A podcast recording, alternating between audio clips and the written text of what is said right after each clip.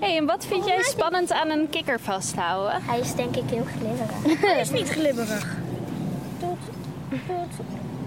Wil je het een keer proberen? vasthouden? Mm, nee. Als je nooit bang bent, kun je ook niet dapper zijn.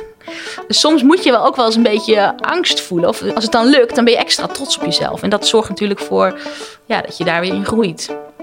In de vorige aflevering hebben we jullie meegenomen in de ontdekking van Oer. Maar wanneer wordt een ontdekking een avontuur? Volgens de Dikke van Dalen moet een avontuur altijd een onverwachts spannende gebeurtenis zijn. Iets engs dus. Iets wat je eigenlijk niet durft, maar toch wel nieuwsgierig naar bent. Ik ga net. Ik ga nog een. Ja, dat wou ik net ook gaan doen. Vandaag praten we verder met boswachter Floor, Kom, dan doen we het samen. wetenschapper Agnes Nou, dat is de basis. en een van de bedenkers van Oer, Wieger. Het maken en het bouwen of het ontwikkelen van oer, ja, dat was echt een soort avontuur. En ehm, dat was ook voor mij persoonlijk een van de meest magische jaren in mijn carrière. Dat je zo'n hele zomer aan iets werkt. En dat je ook wel heel veel nachten niet slaapt. Omdat je denkt van wat moet dit worden? Eh, ook omdat het risico, ja, niet zozeer voor natuurmonument, maar het risico van ja, we, we hadden al twee keer een club gemaakt die gewoon niet helemaal beklijfde, die we hadden afgebouwd. Ja, dit voelde wel als een ultieme poging om er nog eens een keertje wat van te maken. Voor Wieger was het maken van Oer zo'n avontuur. Iets dat misschien wel mis kan gaan. Als je staat te presenteren met posters met een kindergezicht erop, terwijl daarvoor altijd herten en egeltjes op de posters hadden, dan, dan, dan zegt er wel eens iemand van, eh, ja maar moeten we dit doen Wieger? Weet je zeker dat dit goed is? Nou ja, zeker weten niet. We hebben, we hebben best wel veel geld uitgegeven in het begin om het te introduceren. En dan moet je ook tegen je chef zeggen van, eh, ja we denken dat het goed komt. Zo herkenbaar dat gevoel. Je bent ergens aan begonnen, maar dan blijkt het toch lastiger dan gedacht. Misschien zou iets in jou wel willen stoppen. En soms doe je dat ook. Maar die ene keer dat je dan toch doorgaat en het lukt. En vooral het gevoel daarna. Ja, net over een boomstok proberen te lopen die heel erg glibberig was.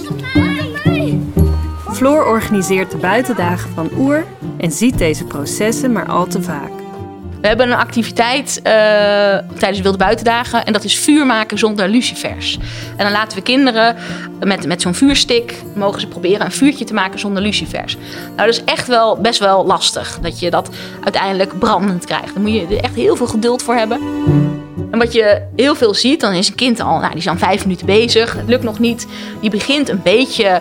eh, nou ja, te denken van... Ja, die begint al een beetje zo van... Nou, het lukt niet. Een beetje ongeduldig te worden. En op dat moment is het heel vaak zo dat de, de vader of de moeder of degene die erbij is, instapt. Kom, dan doen we het samen. En nou ja, dan lukt het eh, binnen een minuut. Ja, en dan is het inderdaad gelukt. Maar het mooiste is als kinderen, als, als ze het echt helemaal zelf doen, hoe trots ze zijn als het gelukt is zonder hulp. Dat is echt duizendmaal groter dan, dan als het dan lukt samen met een volwassene. Ik durf hem vast te houden omdat het zusje van mijn vriendinnetje die verzamelt slakken. En die heeft er wel tien. Tien slakken. Duizend. Tienduizend. Wat je eigenlijk ziet uit onderzoek is dat het belangrijkste is dat een kind toch dat gevoel moet hebben dat het helemaal zelfstandig alleen is, autonoom, zonder dat toezicht. En dat zijn dan dingen waarbij je voor het eerst, hoe zou je het moeten zeggen? Dat je voelt dat ik sta in mijn eigen kracht, ik ben ik, dit ben ik, ik kan dit. Oh nee, ik kan er niet zijn kinderen die komen eraan en als er bijvoorbeeld een, nou, ja, ik zeg, een kikker gevangen was, die zegt, oh ja, ik wil hem wel vasthouden. Of er zijn kinderen die geen moment aarzelen om een, om een regenpier vast te Oh, geef maar. Hè, die, die staan vaak al een beetje op de voorgrond. Die, die vertellen ook wel veel. Die, die hebben er ook al wel een beetje eh, kennis van. Nee, ik zet hem niet terug, Otto. Kijk, als hij zo springt. En er zijn ook altijd kinderen die staan een beetje op de achtergrond en die vinden het eng en die vinden het een beetje viezig. En die, nou, die, doen- die, die zeggen nee, nee, nee, ik, eh, nee hoor, ik, eh, nee, een beetje dat soort geluiden maken. Je gaat eigenlijk samen naar het dier kijken. Van hoe ziet hij eruit? Hoe beweegt hij? En, en dan beginnen, raken ze al wel een beetje los. Als ze denken van oké, ik hoef er eerst alleen nog maar even naar te kijken. Ik hoef hem niet meteen vast te houden. En als ze dan een tijdje ja, het dier ook geobserveerd hebben... Hij is lief. Hij is gewoon rustig. dan denken ze wel van... oh ja, nou durf ik ook wel... eh, nou zou ik hem ook wel durven vast te houden. Wacht, ik zet hem op deze boomstam.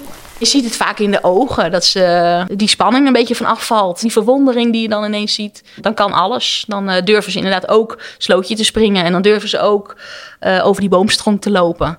En dan, dan is niks meer te gek. Dat is echt zelfvertrouwen wat ze erdoor krijgen. Mensen zijn er helemaal op ingesteld om een balans te zoeken tussen uh, uh, structuur en uitdaging, tussen veiligheid en exploreren. Dus het is niet alleen maar ontdekken of uitdagingen aangaan, altijd binnen je eigen grenzen. Wat nu een beetje de balans is in de opvoeding, is natuurlijk van kinderen, en, uh, is natuurlijk altijd op die veiligheid. Als, als we maar veilig zijn, als we maar geen ongeluk gebeurt, of, uh, nou ja, da, daar ligt alle accent op. En dan is er veel te weinig aandacht eigenlijk voor dat ontdekken en exploreren en je grenzen verkennen. Veel kinderen groeien op in ultieme veiligheid met heel weinig ontplooiingsmogelijkheden en ontdekmogelijkheden. Ik denk dus dat, dat oer een grote rol speelt in de weerbaarheid van kinderen. De magische momenten die ik heb meegemaakt in mijn jeugd hebben in ieder geval in mijn weerbaarheid een enorme rol gespeeld. Je, je wandelt eens wat langer dan gewoonlijk. Je, je, je, ziet eens een keertje iets wat niet helemaal bevalt, maar wat je wel tot denken stelt. En je, je ziet gewoon dat daar ook de trend aan zit. Van dat ook heel veel ouders denken van ja, het is toch niet goed om alles maar uh, glad te wrijven. Maar gewoon te werken aan die weerbaarheid. Ik denk dat oer kinderen onbevangen maakt, uh, vindingrijk. Ze rijker maakt in hun ervaringen, uh, weerbaar. Eigenlijk alles wat je vraagt van, uh, van een goede, stabiele opgroeien.